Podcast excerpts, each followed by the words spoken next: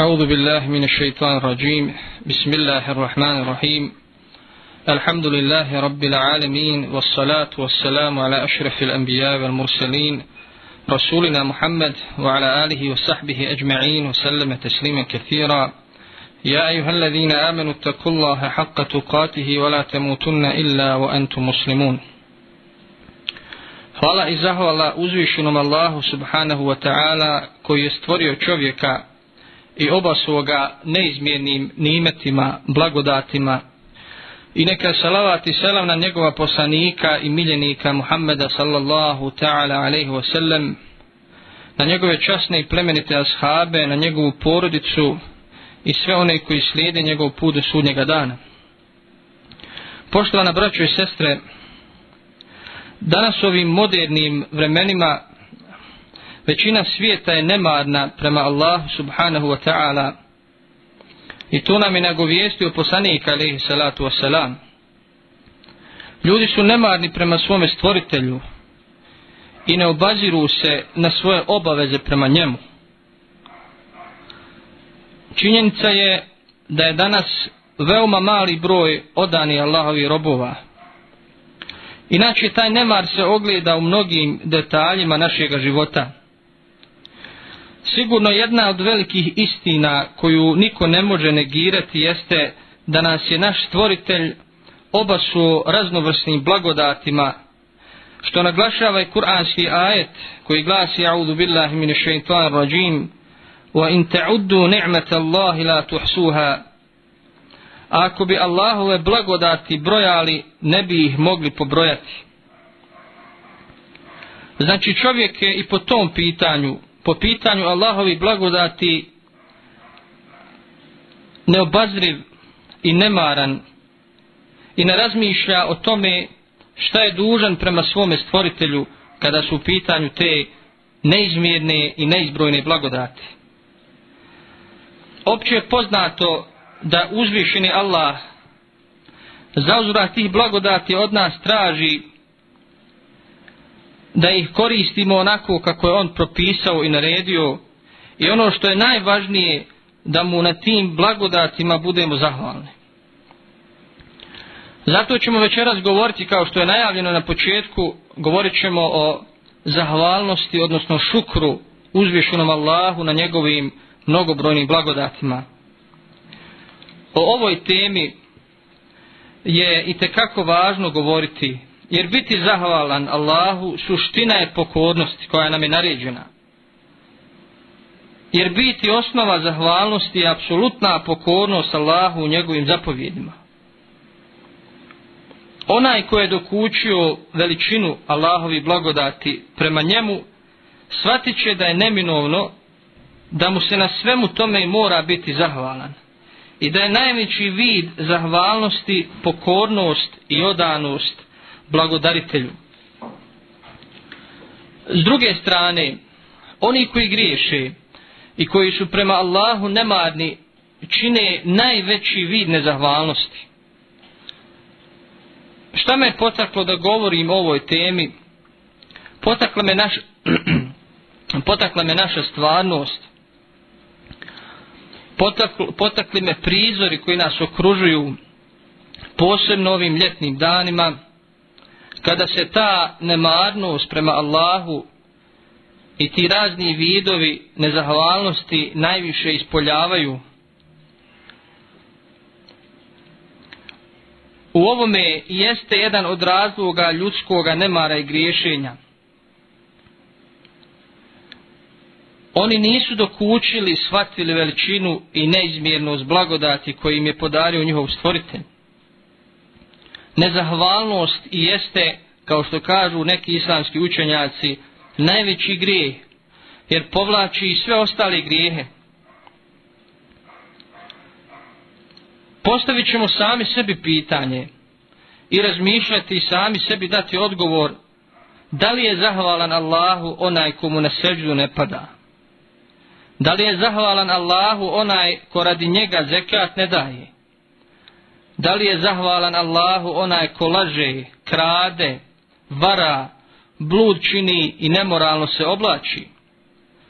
naravno niko od spomenutih Allahu nije zahvalan kao što smo, jer kao što smo rekli griješenje prema Allahu je najveći vid nezahvalnosti koliko je zahvalnost ili šukr Allahu bitan najbolje govori činjenica da uzvišeni Allah subhanahu wa ta'ala zahvalnost stavlja u istu ravan sa imanom ili sa vjerovanjem.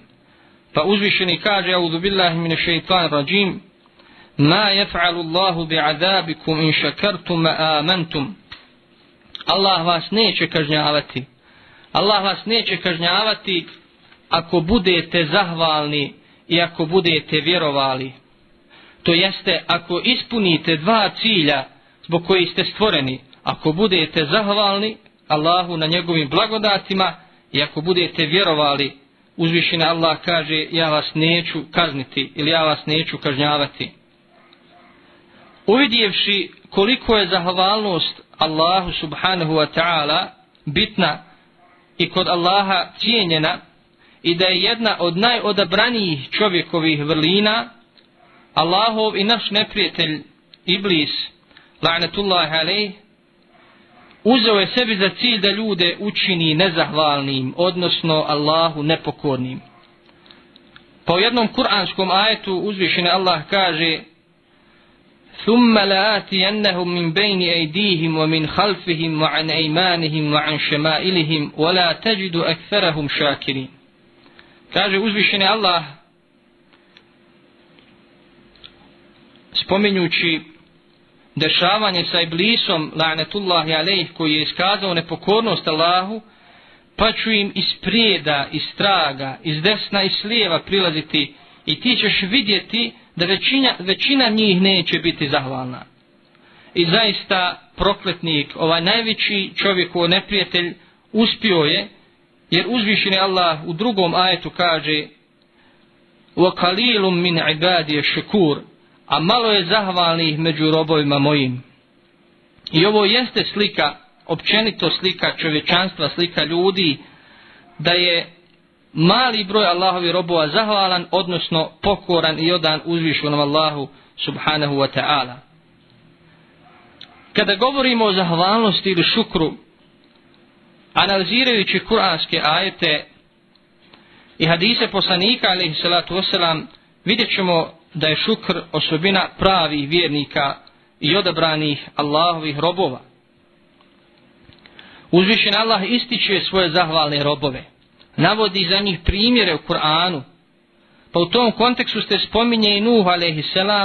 o kojem uzvišeni Allah kaže a potomcima onih koji smo s Nuhom poslali, on je doista bio rob zahvalni. Ovdje uzvišeni subhanahu wa ta'ala podsjeća robove svoje, kao potomke Nuhove, jer poznato je da je Nuh drugi otac čovečanstva, zbog potopa koji se desio, zbog općeg potopa koji se desio na zemlji. Uzvišen Allah nas posjeća da slijedimo Nuha, da se na njega ugledamo,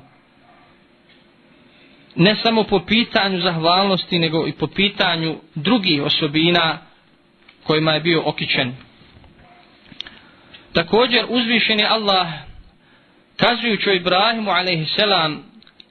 hvali ga, ističe njegovu zahvalnost na blagodatima, pa kaže, A'udhu billahi min shaitanir rajim, إن إبراهيم كان أمة قانتا لله حنيفا ولم يكن من المشركين شاكرا لأنعمه اجتباه وهداه إلى صراط مستقيم Ibrahim je bio primjer čestitosti, pokoran Allahu, pravi vjernik, nije druge smatrao Allahu ravnim i bio je zahvalan na blagodatima njegovim, on ga je odabrao i na pravi put ga uputio.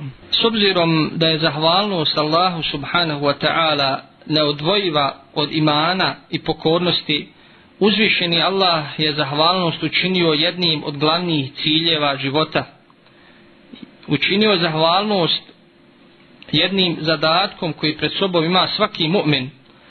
U vezi s tim uzvišen Allah subhanahu wa ta'ala kaže A'udhu billahi mine shaitan rajim والله أخرجكم من بطون أمهاتكم لا تعلمون شيئا وجعل لكم السمع والأبصار والأفئدة لعلكم تشكرون Allah vas iz trbuha majki vaših izvodi i vi ništa ne znate i daje vam i sluh i vid i razum da biste bili zahvalni. Sura An-Nahl 78. ajet.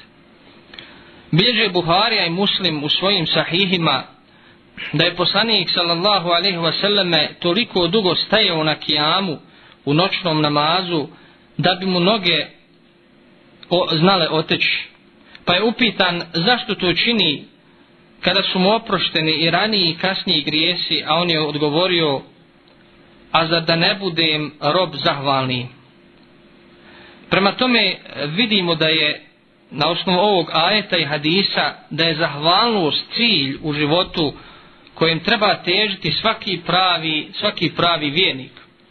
U drugom hadisu također stoji da je poslanik sallallahu alejhi ve selleme jedne prilike kazao Muazu tako mi Allaha ja te u njegovo ime volim pa nemoj zaboraviti da poslije svakog namaza proučiš Allahume inni ala zikrike wa šukrike wa husni ibadetik Bože pomozi mi da te se sjećam da te se spominjem da ti zahvaljujem i da ti kako je najbolje robujem ovo inače dova koju trebamo često prakticirati a posebno u ovoj prilici koju nam je spomenuo poslanik alaih salatu wasalam poslije svakoga farz namaza. Inače kada govorimo o zahvalnosti, to je jedan stupanj vjere koji postižu samo pravi i odani vjernici koji su spremni na žrtvu, koji su shvatili veličinu Allahovi blagodati prema njima i koji su svjesni da će za te blagodati odgovarati, a naročito ako ne budu zahvali na njima. Znači stupanj zahvalnosti je jedna od stanica na čovjekovom putu ka Allahu iznad, i taj stupanj je iznad stepena zadovoljstva ili ridaa. Znači čovjek kada odgaja svoju dušu, kada putuje duhovno ka Allahu uzvišenom, on prolazi kroz razne stanice, stanice pokornosti, stanice teube, stanice spoznaje, A svakako ova stanica zahvalnosti je jedna od stanica na putu do spoznaje uzvišenog Allaha subhanahu wa ta'ala na putu duhovnog uzdizanja. Ono što je bitno shvatiti jeste da je zahvalnost jedan od uvjeta opstanka blagodati kojima nas je Allah subhanahu wa ta'ala obasuo a te blagodati su neizmjerne. Samo pravi i iskreni vjernik razmišlja o svemu tome, razmišlja o svemu onome što ga okružuje, što mu se dešava u životu i svega izvlači pouku i time pojačava svoj spoznaj. Omer ibn Abdulazi iz jedne prilike rekao čuvajte Allahove blagodati zahvaljivanjem na njima. Znači ako želimo da sačuvamo svoje blagodati i u sebi i oko sebe trebamo biti zahvalni prije svega Allahu subhanahu wa ta'ala na njima Ibn Abi Dunja prenosi da je Alija Ibn Abi Talib radijallahu anhu jednom čovjeku iz Hemedana rekao blagodat se produžava zahvalnošću što se više zahvaljuje blagodat je veća blagodat i zahvalnost idu jedna sa drugom. Allah neće prestati da povećava blagodat sve dok rob ne prestane zahvaljivati. Ako malo pogledamo u našu stvarnost, vidjet ćemo da su naši stariji, prije svega naše nane i naše dede, da su znali za ovo o čemu večeras govorimo, i da su znali da je zahvalnost jedan od sastavnih dijelova vjere. I uvijek su nas posjećali u našem djetinstvu da čuvamo nimete, da Allahu zahvaljujemo na nimetima, da svaku mrvu koja nam ispadne, da je iskoristimo, da je pojedemo, jer na, ta, na taj način zahvaljujemo Allahu subhanahu wa ta'ala. Inače, zahvalnost kao i nezahvalnost Allahu na njegovim blagodatima donosi sa sobom određene posljedice. Pa ćemo spomenuti samo neke prije svega posljedice zahvalnosti. Kaže uzvišeni subhanahu wa ta'ala a'udhu billah min šeitan rajim ma jef'alu Allahu bi'adabikum in šakartum wa amantum. Prva posljedica zahvalnosti jeste da Allah neće kazniti ili kažnjavati one koji su zahvalni i koji u njega vjeruju. Suprotno tome, znači da će Allah subhanahu wa ta'ala kazniti ili da je izložen kazni onaj koji nije zahvalan i koji ne vjeruje u Allaha subhanahu wa ta'ala. Druga posljedica zahvalnosti jeste da je Allah zadovoljan sa onima koji su mu zahvalni. Pa kaže subhanahu wa ta'ala a'udhu billahi mne šeitan rajim wa in teškuru jerdahu lekum a ako budete zahvalni on će vam on će vama biti zadovoljan bilježi muslim u svome sahihu da je poslanik sallallahu ta'ala alaihi wasallam rekao Allah je zadovoljan sa svojim robom koji kada pojede zalogaj na njemu zahvali Allahu ili kada popije gutljaj pa na njemu zahvali Allahu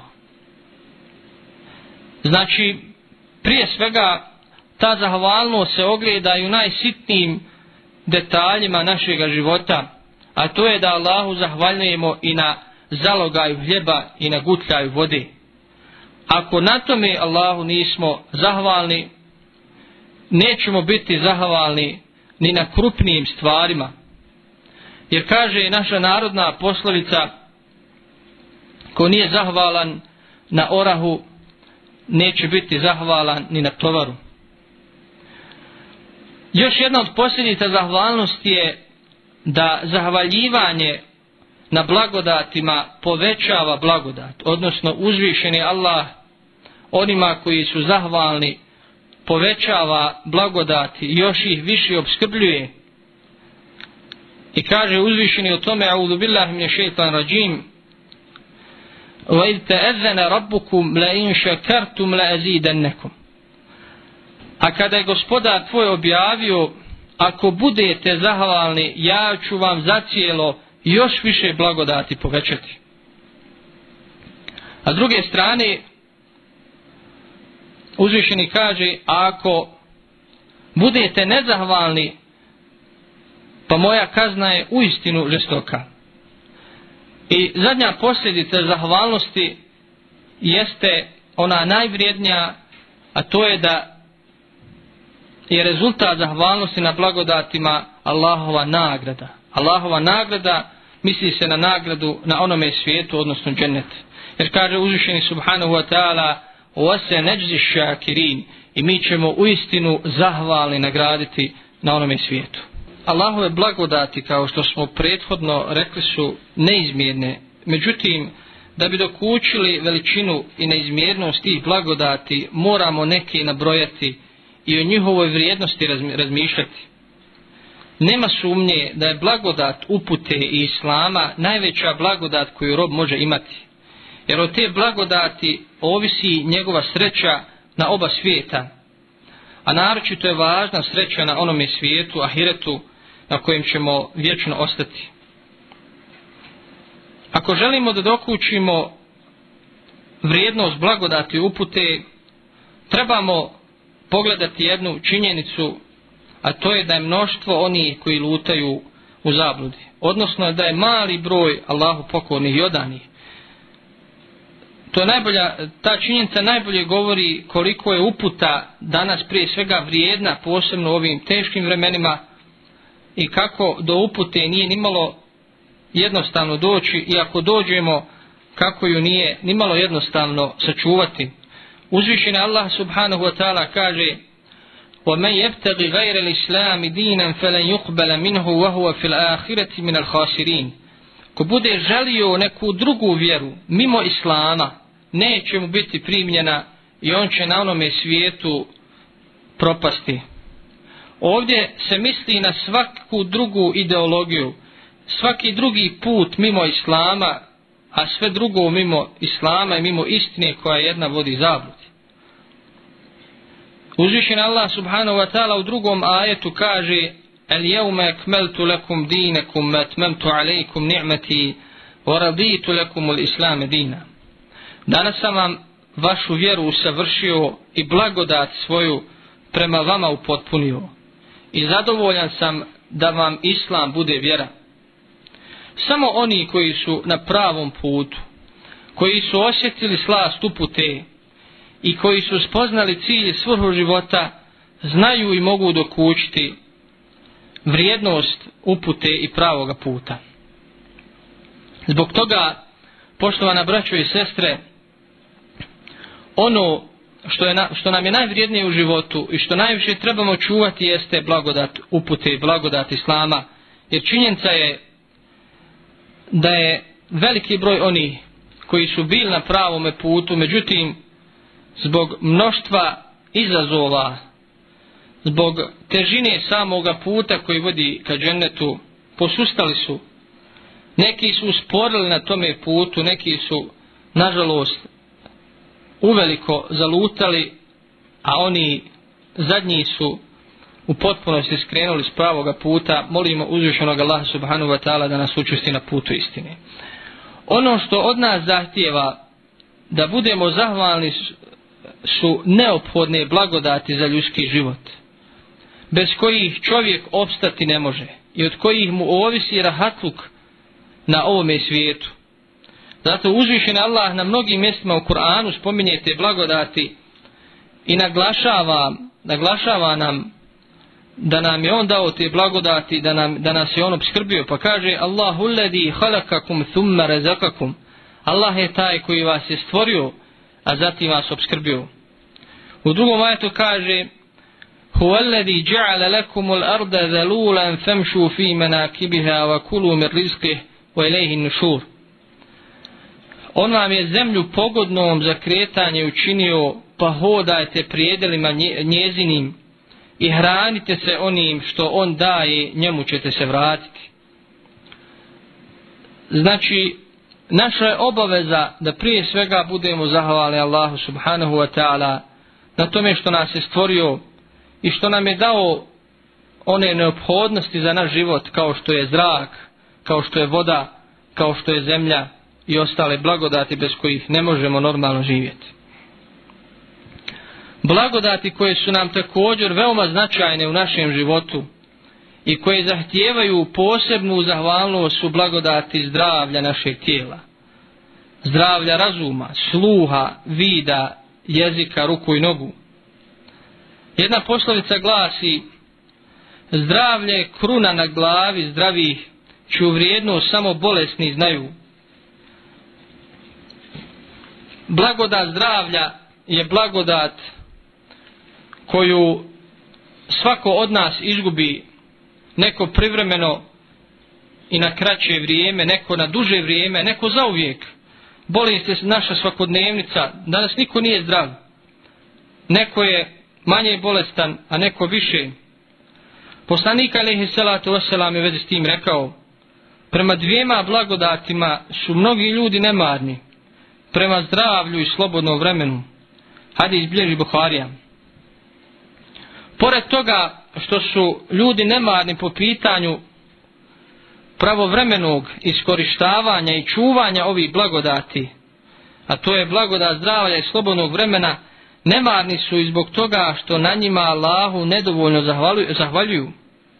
Uzvišene Allah nam ističe u Kur'anu i spominje napominje nas, pa kaže elem neđ'allahu ajnein, wa lisanan wa šefetein, wa hedejnahu neđdein.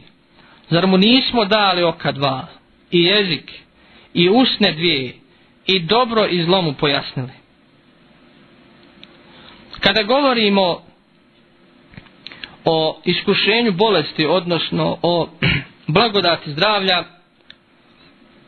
trebamo samo uzeti primjer težeg bolesnika, kojeg je Allah iskušao nekom teškom bolešću i koji sam zna u kakvom je stanju i koji bi svo ovo dunjalučko blago da ga ima dao da blago da zdravlja povrati ili da mu Allah da zdravlje.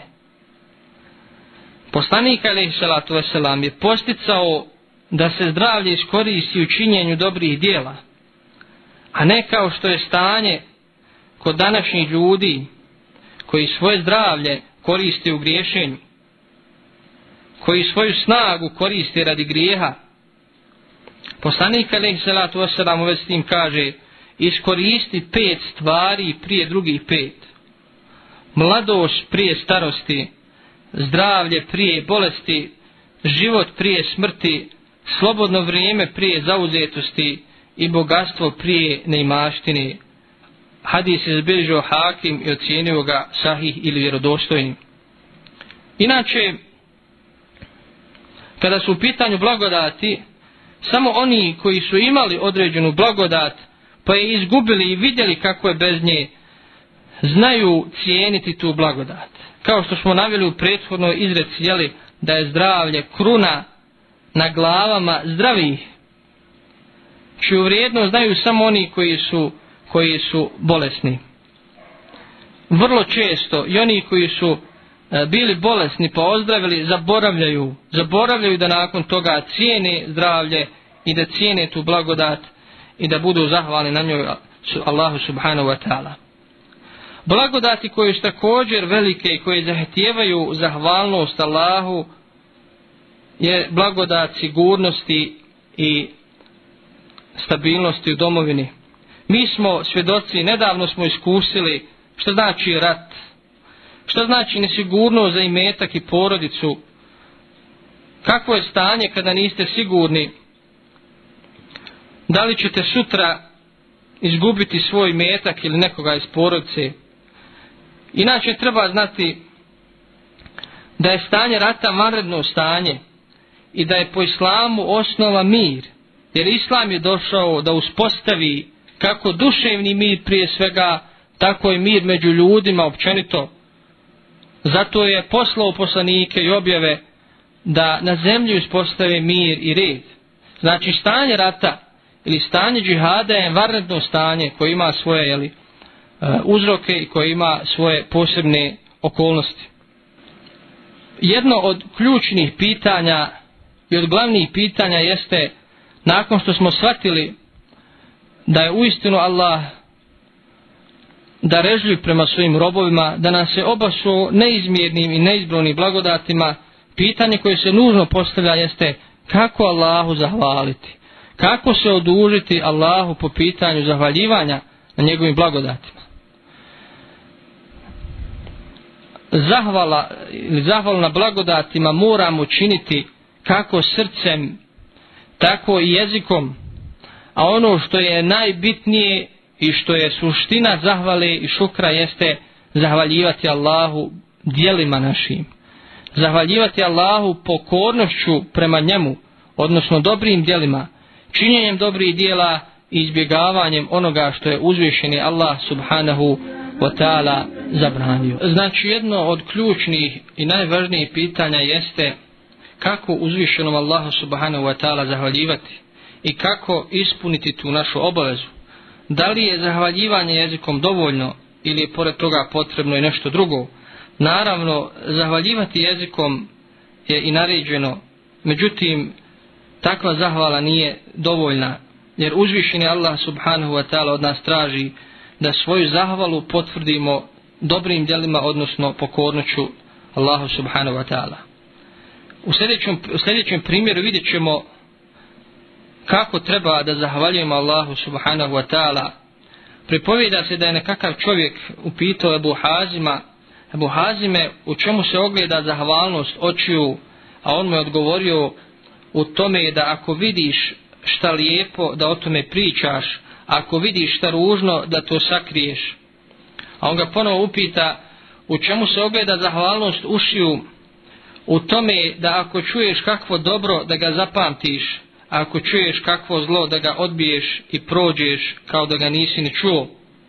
Odgovori mu on, a on zatim upita u čemu se ogleda zahvalnost ruku, u tome da njima ne uzimaš ono što nije tvoje i da ne uskraćuješ ono što posjeduješ, a što se rade Allaha dužan davati. Zatim ga ponovo upita u čemu se ogleda zahvalnost stomaka, a on mu odgovori da mu na dnu bude hrana, a na vrhu znanje, a u čemu se ogleda zahvalnost stidnih mjesta upita, a on mu navede kuranski ajet koji glasi u prijevodu značenja i oni koji svoja stidna mjesta budu čuvali, osim sa ženama svojim ili sa onima koje su u vlasništvu njihovu. A zatim je upitao u čemu se ogleda zahvalnost nogu u tome da ako cijeniš nekog od umrlih da ideš njegovim stopama i radiš ono što je on radio, a ako prezireš nekog od umrlih da ne ideš njegovim stopama i da na tome Allahu bude zahvalan. Znači onaj ko ovako postupa, ko svojim dijelima i svim svojim organima Allahu zahvaljuje, on je uistinu zahvalan za razliku od onoga ko zahvaljuje samo jezikom. Nažalost, danas većina ljudi se ograničava samo na to da jezikom Allahu zahvaljuje.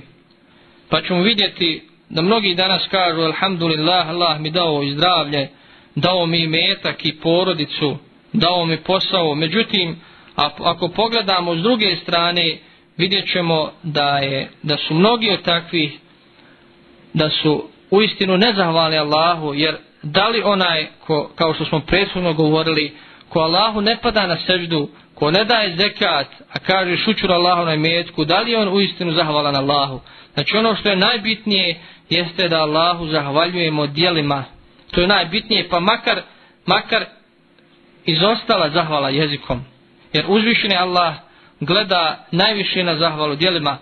Po jednom kuranskom ajetu kaže, obraćajući se, E, Davudu i njegove porodici i'malu ala Davude šukra. To jeste činite radite porodicu Davudova šukr. To jeste to potvrdite vašim djelima. Onaj ko zahvaljuje samo jezikom on je sličan onome ko ima odjeću ali je ne obuče već, je sam, već se samo njenim krajima zagrne pa se njome ne može zaštititi ni od toplote ni od hladnoće. Naravno, kao što smo prethodno spominjali, zahvalnost nije dobrovoljna stvar. To je obaveza koju nam uzvišeni Allah u mnogim kuranskim ajetima naređuje.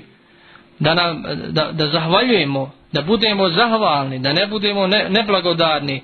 I spominje nezahvalnost kao kufr, kao negiranje nečega. Jer ako Allahu nismo, zad, nismo zahvali na njegovim blagodatima, na neki način negiramo jeli, te Allahove blagodati, negiramo Allahu dobrotu prema nama. Posljedice nezahvalnosti kako na ovome, tako i na onome svijetu su ogromne, velike. Uzvišene Allah nam u Kur'anu navodi mnoge primjere kako su završavali narodi i kako su završavali pojedinci koji su bili nezahvalni, koji su bili objesni. Navešćemo, kada su u pitanju narodi, navešćemo stanovnike, sabe, pa uzvišeni Allah spomenje u suri, u istomenoj suri, sebe ili saba, spomenje primjer njihovi blagodati, primjer njihove nezahvalnosti, kako su okončali, pa kaže, A'udhu billahi min shaitan rajim, لقد كان لسبأ في مسكنهم آية جنتان عن, عن يمين وشمال كلوا من رزق ربكم واشكروا له. بلدة طيبة, طيبة ورب غفور. فأعرضوا فأرسلنا عليهم سيل العرم وبدلناهم بجنتيهم. جنتين ذوات أكل خمط وأثر وشيء من سدر قليل. ذلك جزيناهم بما كفروا وهل نجازي إلا الكفور. kaže uzvišeni subhanahu wa ta'ala stanovnici Sabe su imali dokaz u mjestu vrtove s desna i s lijeva, jedite hranu gospodara svoga i budite mu zahvalni, kakav divan kraj i gospodar koji mnogo prašta. Ali oni su nezahvalni postali, pa smo na njih poplavu pustili i zamijenili im vrt, njihove vrtove drugim vrtovima sa plodovima gorkim i tamariskom i neznatnim lotosom divljim, kaznili smo ih tako zato što su bili nezahvalni, a da li mi kažnjavamo ikog drugog do onoga koji je nezahvalan. Drugi primjer je primjer čovjeka koji se spominje u suri El Kehf pa kaže uzvišeni subhanahu wa ta'ala واضرب لهم مثل الرجلين جعلنا لأحدهما جنتين من عناب وحففناهما بنخل وجعلنا بينهما زرعا كلتا الجنتين آتت أكلها ولم تظلم منه شيئا وفجرنا خلالهما نهرا وكان له ثمر فقال لصاحبه وهو يحاوره. أنا أكثر منك مالا وأعز نفرا ودخل جنته وهو ظالم لنفسه قال ما أظن أن تبيد هذه أبدا وما أظن الساعة قائمة ولئن رددت إلى ربي لأجدن خيرا منها منقلبا. قال له صاحبه وهو يحاوره أكفرت بالذي خلقك من تراب ثم من نطفة ثم سواك رجلا لكنه هو الله ربي ولا أشرك بربي أحدا. ولولا إذ دخلت جنتك قلت ما شاء الله لا قوة إلا بالله. إن ترني أنا أقل منك مالا وولدا فعسى ربي أن يؤتيني خيرا من جنتك ويرسل عليها حسبانا من السماء فتصبح صعيدا زلقا. أو يصبح ماؤها غورا فلن تستطيع له طلبا. وحيط بثمره فأصبح يقلب كفيه على ما أنفق فيها وهي خاوية على عروشها. ويقول يا ليتني لم أشرك بربي أحدا ولم تكن له فئة ينصرونه من دون الله وما كان منتصرا kaže uzvišeni subhanahu wa ta'ala i navedim kao primjer dva čovjeka jednom od njih smo dva vrta lozom zasađena dali i palmama ih opasali a između njih njive postavili oba vrta su davala svoj plod ničega nije manjkalo, a kroz sredinu njihovu smo rijeku proveli. On je i drugog imetka imao i reče drugu svome, dok je s njim razgovarao, od tebe sam bogatiji, jačeg sam roda. I uđe u vrt svoj, nezahvalan gospodaru svome na blagodatima, govoreći, ne mislim da će ovaj ikada propasti i ne mislim da će smak svijeta ikada doći, a ako budem vraćen gospodaru svome, sigurno ću nešto bolje od ovoga naći. I reče mu drug njegov dok je s njim razgovarao, zar ne vjeruješ onoga koji te od zemlje stvorio, zatim od kapi sjemena i najzad te potpunim čovjekom učinio.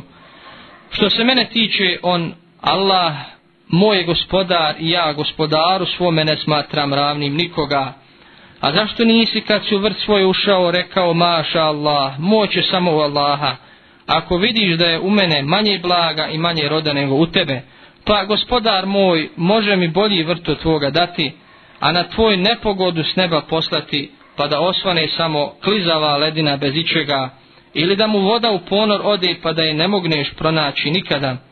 I propadoše plodovi njegovi i on poče kršiti ruke svoje žaleći za onim što je na njega utrošio, a loza se bijaše povaljala po podupiračima svojim i govoraše kamo sreće da gospodaru svome nisam smatrao nikoga ravnim i nije imao ko bi, mu ko bi mu mogao da pomogne osim Allaha a sam sebi nije mogao pomoći. Iz ova dva primjera možemo izvući veliku pouku a to je da uzvišeni Allah neminovno kažnjava zbog nezahvalnosti i objesnosti da kažnjava zbog nezahvalnosti prema blagodatima jer blagodati kao što su Allahov dar Allahovo dobro u isto vrijeme su iskušenje da Allah vidi da nas iskuša kako ćemo postupiti da li ćemo ih kako treba koristiti i da li ćemo na njima zahvalni biti. Neka nam ovi primjeri koje smo čuli budu pouka razmislimo o sebi i o tome koliko smo Allahu zahvalni. Razmislimo o blagodatima koje su u našem posjedu i razmislimo kako se Allahu zahvaljujemo. Nije dovoljno samo Allahu jezikom šukr činiti. Ono što je bitnije što se od nas traži jeste da mu budemo zahvalni svojim dijelima, odnosno da mu budemo pokorni u onome što naređuje i onome što zabranjuje, to je prava zahvalnost i to su pravi zahvalnici. Također trebamo biti svjesni posljedica nezahvalnosti.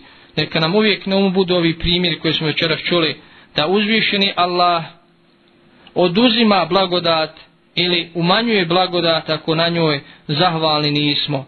molimo uzvišenog Allaha subhanahu wa ta'ala da nas učini iskrenim zahvalnim robovima da nas uputi na pravi put da nas učvrsti na putu istine i da nam ukaže na dobro i nadahni nas njegovom činjenju, a da nas sačuva zla i sačuva od toga da ga počinimo. Akulu kavli hada, vastagfirullah li velikum, fastagfiruh, innehu huvel gafur rahim. Wassalamu alaikum wa rahmatullahi ta'ala wa barakatuh.